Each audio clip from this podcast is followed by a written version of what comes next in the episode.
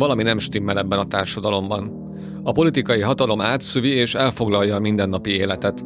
Megosztottságot és konfliktusokat generál, miközben rengeteg feszültség és érdekellentét elfolytva marad.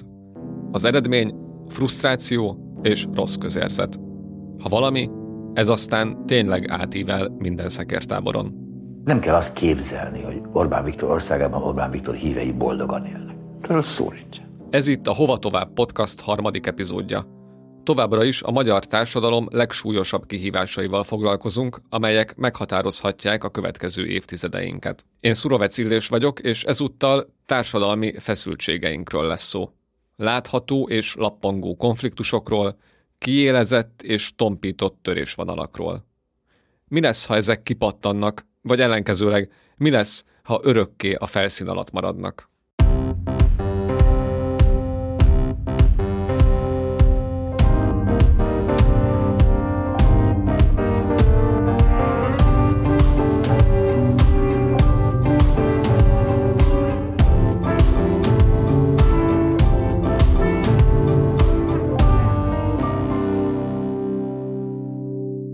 Egy mérőeszköz a szociológiában, egyszerűen az, hogy mondják meg az emberek, hogy bizonyos társadalmi rétegek között mekkora a, a konfliktus vagy a feszültség.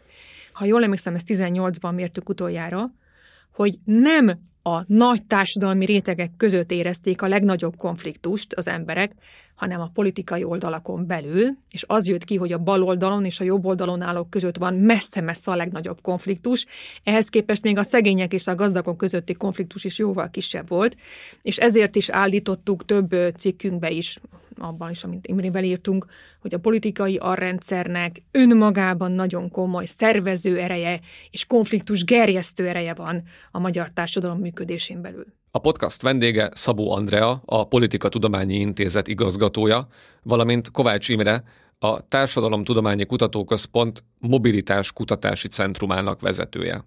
Mindketten fontos szerepet vállaltak abban az évtizede zajló kutatássorozatban, ami új modellben magyarázza a magyar társadalom felépítését, és közben azt próbálja megérteni, hogy milyen mechanizmusok tartják életben Orbán Viktor rendszerét.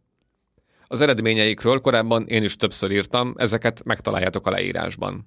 A politikai rendszernek egy nagyon fontos sajátossága, hogy eh, nem annyira, mint a nyílt autoriter rendszerek, mert azért nem olyan a magyarországi politikai rendszer, de mégis erőteljes a késztetése, hogy eh, elfoglalja a életünknek azt a terét, amit hívjunk egyszerűen mindennapi életnek.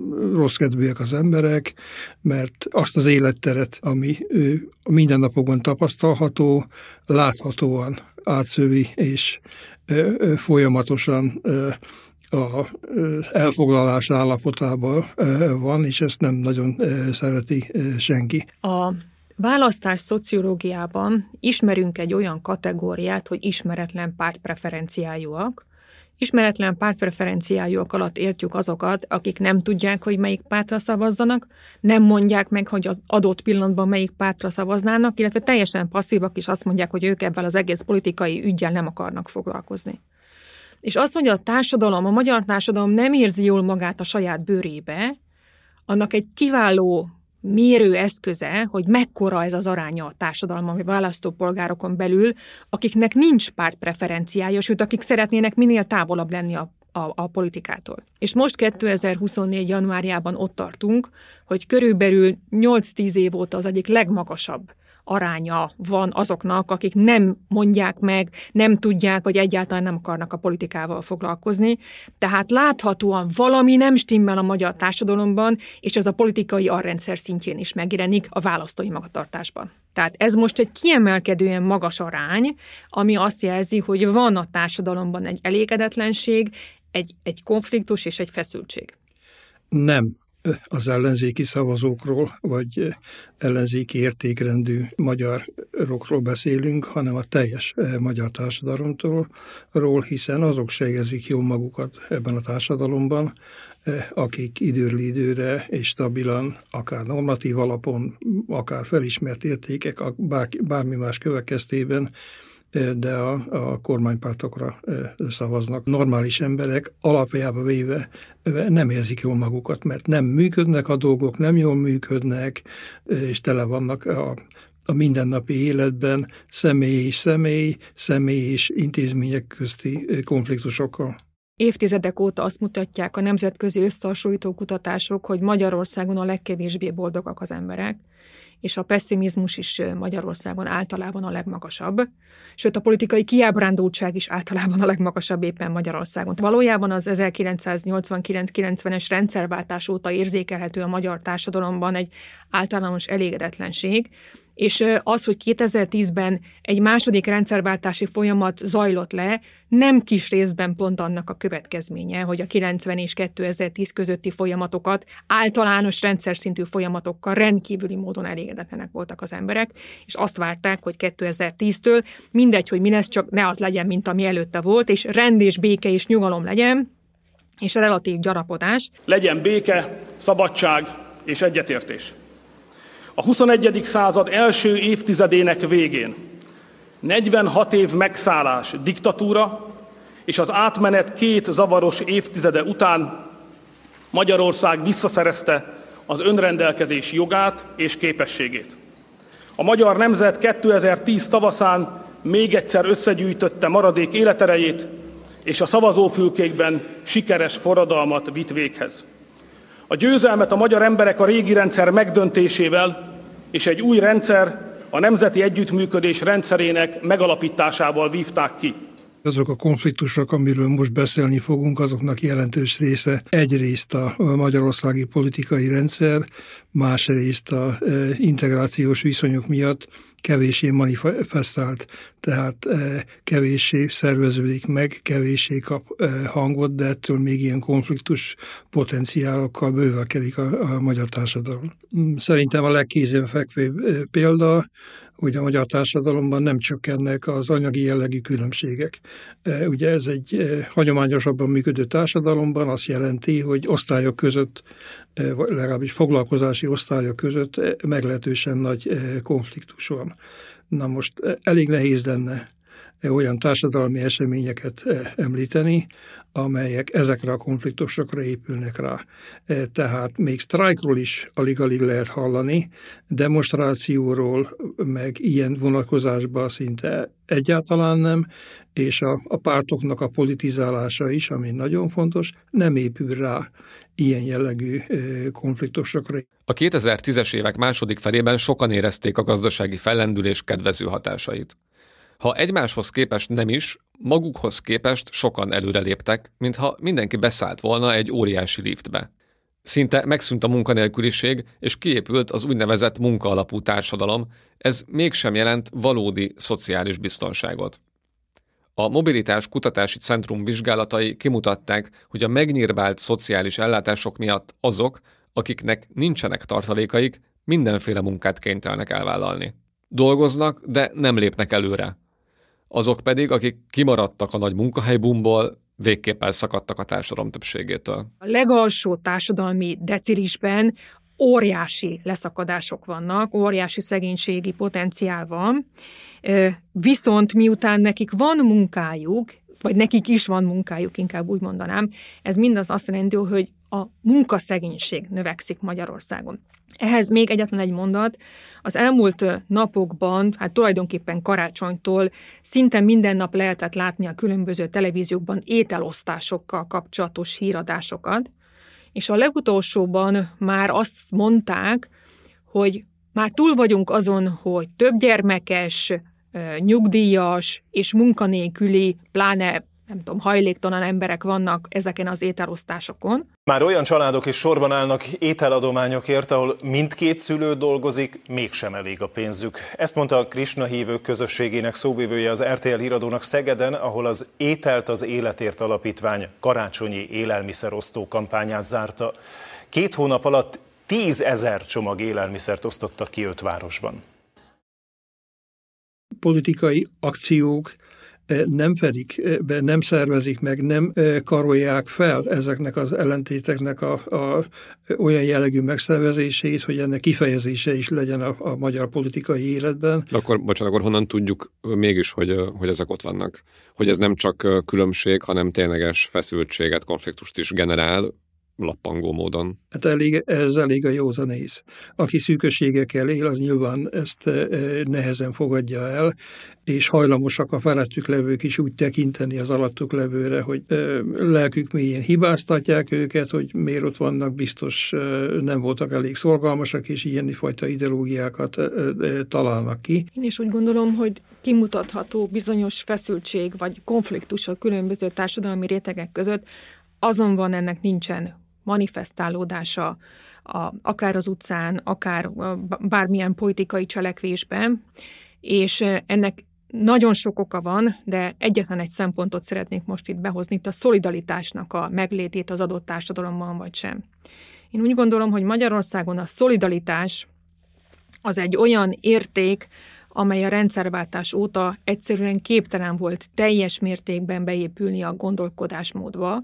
Tehát az, hogy úgy tudok valójában elérni társadalmi szintű célokat, ami végsősorban akár egyéni szinten is megjelenik, hogy összefogok más társadalmi rétegekkel, vagy más foglalkozási csoportokkal, ez nagyon kevés alkalommal valósult meg. Tehát a, nézzük csak a legutolsó konfliktust, a tanárokkal kapcsolatos ügyet.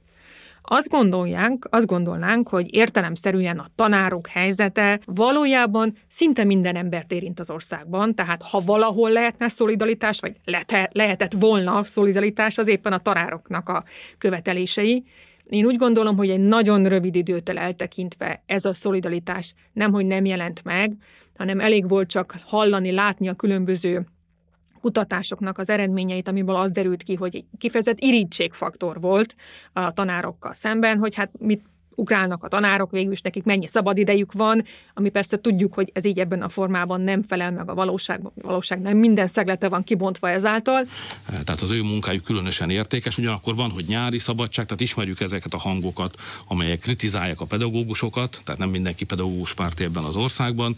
E, sok az igazságtalanság ebben a véleményben, hogy nyáron nem dolgoznak, és itt tovább. Helyenként csak a fiatalok, tehát a tanulók részéről jelent meg a társadalmi szolidaritás, de mondjuk a hasonló helyzetben lévő, ahogy őre is mondta, az egészségügyi dolgozók nem, szolid, nem voltak szolidaritásak a tanárokkal szemben. Igaz, néhány évvel korábban a tanárok sem az egészségügyi dolgozókkal kapcsolatosan. Ez, ez átrakódik a hétköznapoknak a e, feszültségeibe e, is, és okoz egy csomó olyan személyek közti, vagy kisebb csoportok e, közti konfliktust, rossz érzést, rossz módon modort, gorambaságot, durvaságot, e, egyik oldalon felületességet, a másik oldalon e, akár a szolgáltatásban e, dolgozók részéről is, ami rosszabbá teszi annak az életnek a minőségét, amit anyagi szintjén pedig nem érdemel a magyar társadalom, helyesebben az anyagi szintjei jobbak annál, mint ahogy megéli a mindennapoknak a helyzetét. Az én víziumban a nem manifestált, nem képviselt érdekek, a magyar társadalom strukturális problémái úgy vetül rá a mindennapi életre, hogy kis dolgokba okoz olyan olyan problémákat, amitől, amitől megromlik az embernek a kedve.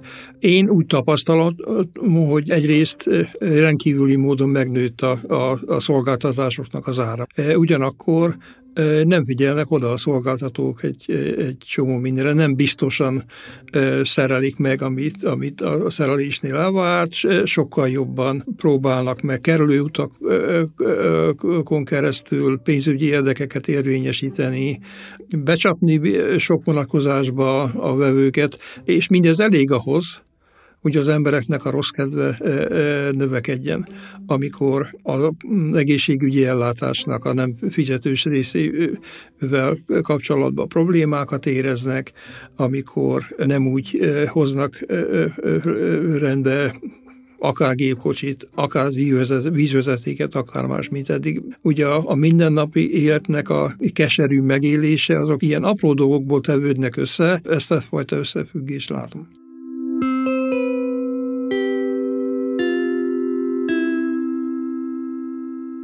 Az elmúlt években, különösen a választások környékén sokszor felmerült, mennyire különbözik egymástól a városi és a falusi Magyarország. Emlékezhetünk a szavazatszámlálók csodálkozó beszámolóira és azokra a mindennapos ellenzéki vádakra, amelyek a falusiak nyakába varják, hogy olyan rendszerben élünk, amilyenben. Ennek persze van alapja, a Fidesz különösen népszerű a kis településeken, de nagy túlzás azt gondolni, hogy a városokban egyáltalán nem az. Mégis miben áll valójában a városvidék ellentét, ha van egyáltalán ilyen, és hogyan éleződhet ki?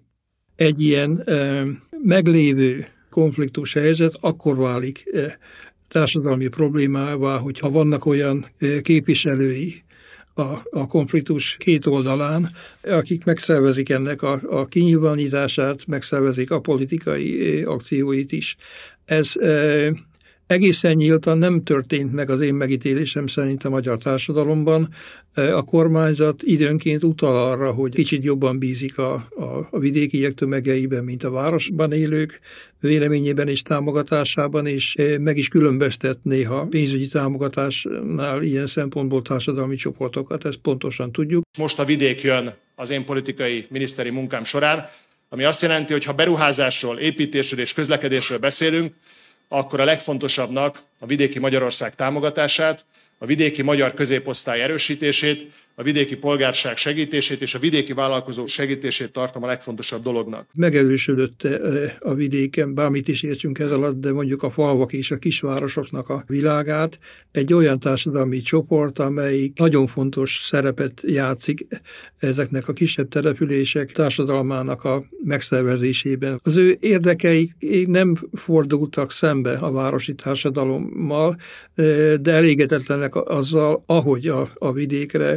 kulturálisan ebből a szempontból döntő véleményformálók tekintenek. Itt van egy eddig szerencsére eh, egyik politikai oldal által sem kiélezett eh, látensnek mondható krízis, eh, konfliktus potenciál. Az egyik legnagyobb kérdése a magyar politikának megítélésem szerint, hogy ez a, ez a fajta két tábor mit kezd egymással. A vidék-város törésvonal persze nem csak Magyarországon került előtérbe az elmúlt években, Sokat beszéltek erről a Brexittel, vagy Donald Trump 2016-os győzelmével kapcsolatban is. Közép-Kelet-Európában nagyon sokkal magasabb a vidéki népesség aránya. A magyar társadalom feléről beszélünk, tehát ezt a fajta látens, manifestálódó konfliktust, ez ezért kell az eddiginél sokkal komolyabban venni. A másik különbség az, hogy eh, egy francia, egy brit, egy eh, holland, vagy sorolhatnám tovább, a centrum régiónak a,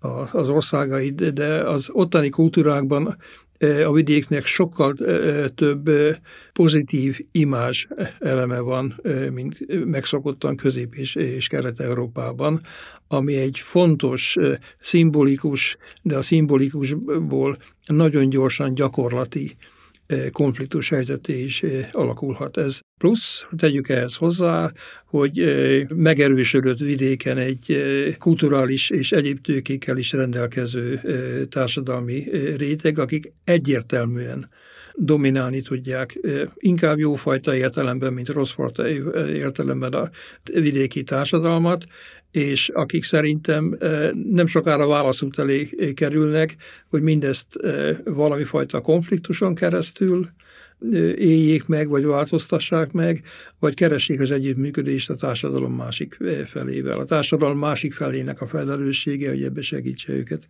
Mert őket mi zavarja?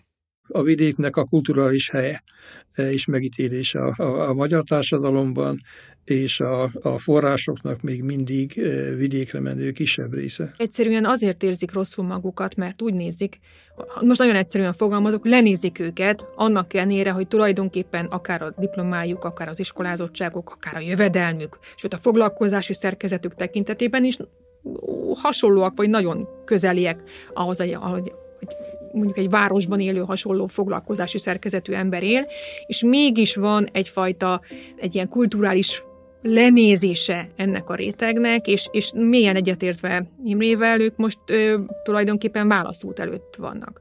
Ha ennek a csoportnak egyébként megnézzük a politikai és ideológiai hovatartozását, akkor egyértelműen azt tudjuk mondani, hogy ők egyébként a kormánypártoknak a szavazói, és ezért ők maguk tulajdonképpen lehetnek érdekeltek abban, hogy ezek a konfliktusok erősödjenek, amennyiben ez a kormánypártnak mondjuk adott esetben a, a, a támogatottság növekedésével egy, is együtt jár. Valószínűleg úgy is élik meg, hogy ez a, a társadalmilag rosszabbul kondicionált lehetőségeiknek is az egyik oka. Kevésbé férnek hozzá mindenfajta szolgálat, szolgáltatáshoz, ennek érdekében a magyar állam se tesz meg túl sokat. Arról, hogy a hiányzó szolgáltatások mekkora problémát jelentenek a kis településeken, részletesebben beszéltünk a Hova Tovább második részében.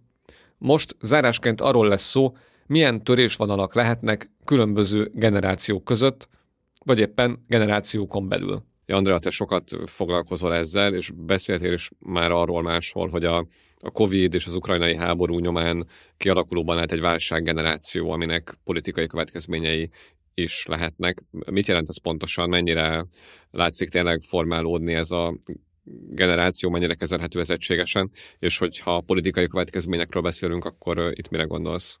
Nagyjából a 2008-2009-es nagy gazdasági az egész világra kiterjedő válság óta úgy érzi a, az ifjúság szociológia és általában a fiatalokkal foglalkozó tudományterület, hogy a válságok halmozódása következében, következtében, amit polikrízisnek nevezünk egyébként, egy olyan nemzedék kezd kialakulni, akinek az a legfontosabb társadalmi tapasztalata, hogy nincs biztonság minden más nemzedékkel szemben sokkal bizonytalanabb helyzetben van, sokkal nagyobb benne a feszültség, és a jövővel kapcsolatos orientációi teljesen szürke és humályban veszik, nem tudja, hogy mi lesz vele, azt sem tudja, hogy egy hónap múlva mi lesz, de lehet, hogy az sem, hogy öt nap múlva mi lesz, és ehhez alkalmazkodva a tervezése is teljesen más, mint a korábbi időszakok. Ők a mai 10-20 évesek. 10-20 évesek, így van.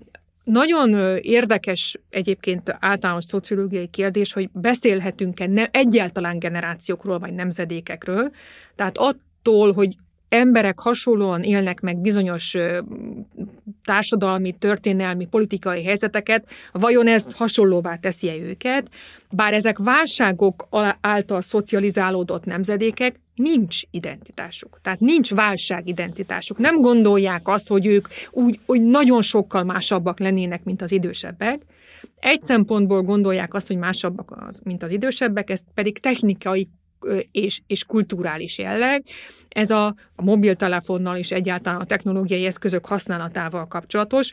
Tehát az elkülönést az idősebb generációktól nem a válsághoz való viszony, hanem a technikai eszközökhöz való viszony teszi, és ezért nagyon óvatosan kell bánni, amikor azt mondjuk, hogy ez egy új generáció a korábbiakhoz képest. Az ő elégedetlenségük is visszaszorul a magánemberi szférába, és egészen biztosan azok között vannak, akik a leginkább nem érzik jól magukat a jelenlegi magyar társadalomban. Ugye egy ember előtt három lehetőség áll a, a szakirodalom szerint kivonulás, tiltakozás és hűség az adott rendszerrel kapcsolatosan. Látható nyoma van ennek a bizonyos kivonulásnak. Nem a társadalomon belül vonulnak ki, hanem a társadalomból vonulnak ki, vagyis az elvándorlásnak láthatjuk itt a nyomait, tehát az elégedetlenség. Lehetséges, hogy nem a szolidaritás megjelenésében van a magyar társadalomban, hanem ezben, hogy emberek nagyon nagy csoportjai vonulnak ki, a általam ismert legutolsó statisztika azt mutatta,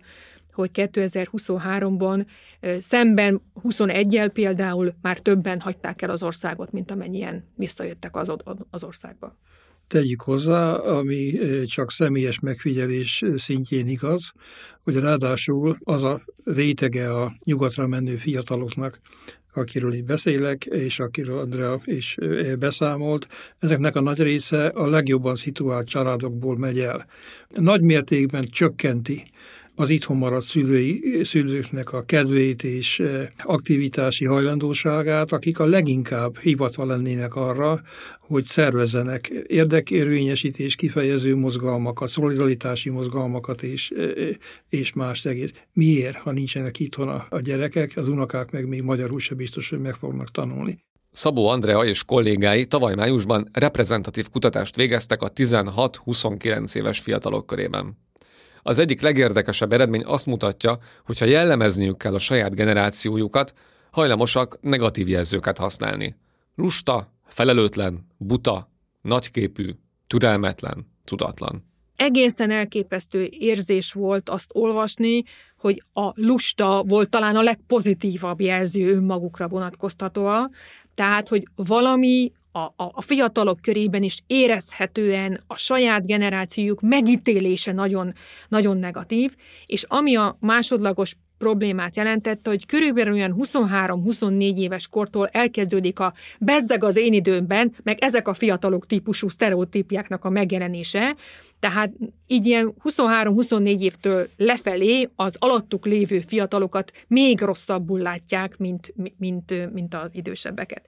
Természetesen ez nem azt jelenti, hogy nincs az idősebbek és a fiatalok között is generációs feszültség, de van, elég sok a boomer szónak az elterjedésére gondolni, ugye a boomer szónál sokkal pejoratívabb kifejezés, nem egyébként Amerikából származó kifejezés nem lehetne, hogy a fiatalok lenézik az idősebbeket, és hát azokat ilyen technikailag teljesen bénának gondolják, de a mi kutatásaink azt jelzik, hogy ha ezek mélyére nézünk, akkor azt látjuk, hogy valójában a generációkon belül legalább ugyanakkor a gen- konfliktus források vannak, mint a generációk között Magyarországon minél fiatalabb egy életkori csoport Magyarországon, annál inkább konformista politikai értelemmel, annál inkább ellenfeszülés nélkül fogadja el a, a, az életének a körülményeit, megpróbál ehhez alkalmazkodni. Nem úgy működik a fiatal generációk politikai aktivitása vagy mentalitása,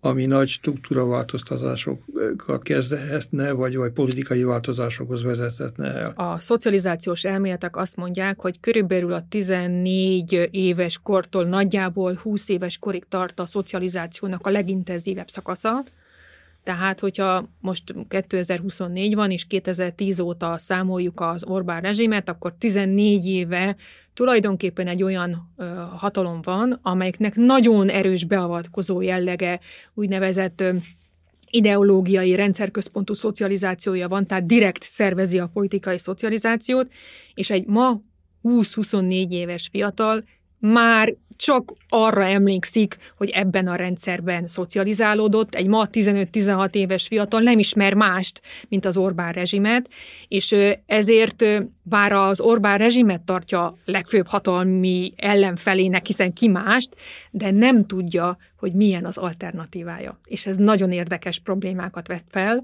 Éppen most majd márciusban lesz egy kutatásunk, ezt négy évente készítjük, aktív fiatalok néven a nappali tagozatos egyetemisták körében. 2019-ben volt utoljára, és nagyon kíváncsiak vagyunk, és az a hipotézisünk, hogy ez a fajta konformizmus, antilázadás egyre erőteljesebb lesz a, akár az egyetemisták körében. Ezt mi úgy nevezzük, hogy racionális lázadás, tehát hogy csak akkor és csak abban a pillanatban lázad, ami őt személyesen az életvilágát érinti, és akkor megint a beszélgetésünk elejére vagy, vagyunk, hogy az egyéni konfliktusok, az egyéni feszültségek vajon mennyire jelennek meg társadalmi szinten, és nekünk a mostani kapcsolatosan az a hipotézisünk, hogy egy elcsendesülő egyetemista réteget látunk majd a kutatásunkból.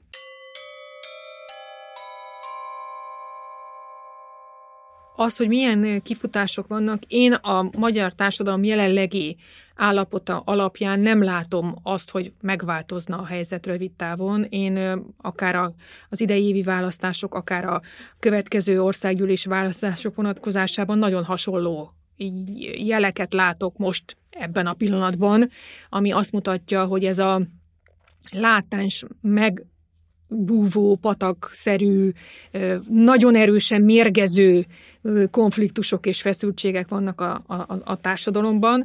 Na most ismerni kell a magyar társadalom történetét, és azt is tudjuk, hogy Magyarországon a konfliktusok nagyon hirtelen tudnak egy pillanatra ki jönni a földből, mint egy gejzír, hogy aztán utána visszaessenek, Tehát ez a fajta feszültség, ez soha nem jó, és most nem a mostani hatalomról beszélek, hanem általában a hatalomnak nem jó, hogyha ilyen társadalmi feszültség van. Ezt általában úgy szokás levezetni, hogy a fogyasztást erősítik, tehát javítják az emberek anyagi kondícióit, és ezzel tulajdonképpen elkötelezetté teszik a társadalmat abban, hogy érdekelt legyen a rendszer fenntartásába, és ezért én azt gondolom, hogy a 2023-as év után, amelyik nagyon nehéz éve volt a magyar társadalomnak, 24-ben jóval nagyobb jövedelmi kiáramlás lesz, és ténylegesen a fogyasztás erősítésével és felpörgetésével próbálja a hatalom stabilizálni, és ezeket a feszültségeket, amik, amik láthatóan érezhetően ott vannak a társadalomban csökkenteni.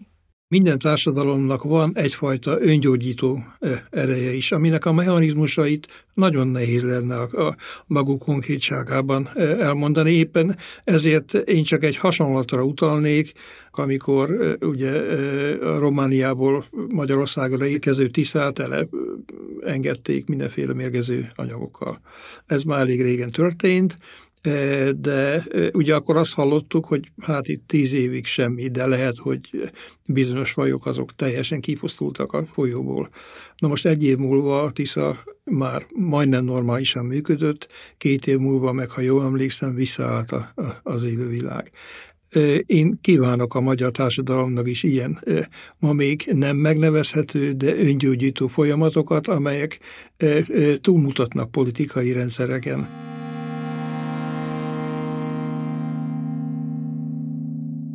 Ez volt a Hova Tovább podcast harmadik epizódja, amiben a magyar társadalom látható és lappangó feszültségeiről, potenciális konfliktus forrásairól beszélgettünk. Ha érdekelnek a magyar társadalom legsúlyosabb kihívásai, keresd a podcastot a Partizán podcast csatornáin, a Spotify-on és a YouTube-on is. Én Szurovec Szillős voltam, köszönöm a figyelmet a kollégáim Puskár Krisztián, Bozzai Balázs, Irsik Bence és Kiri Zsanda nevében is.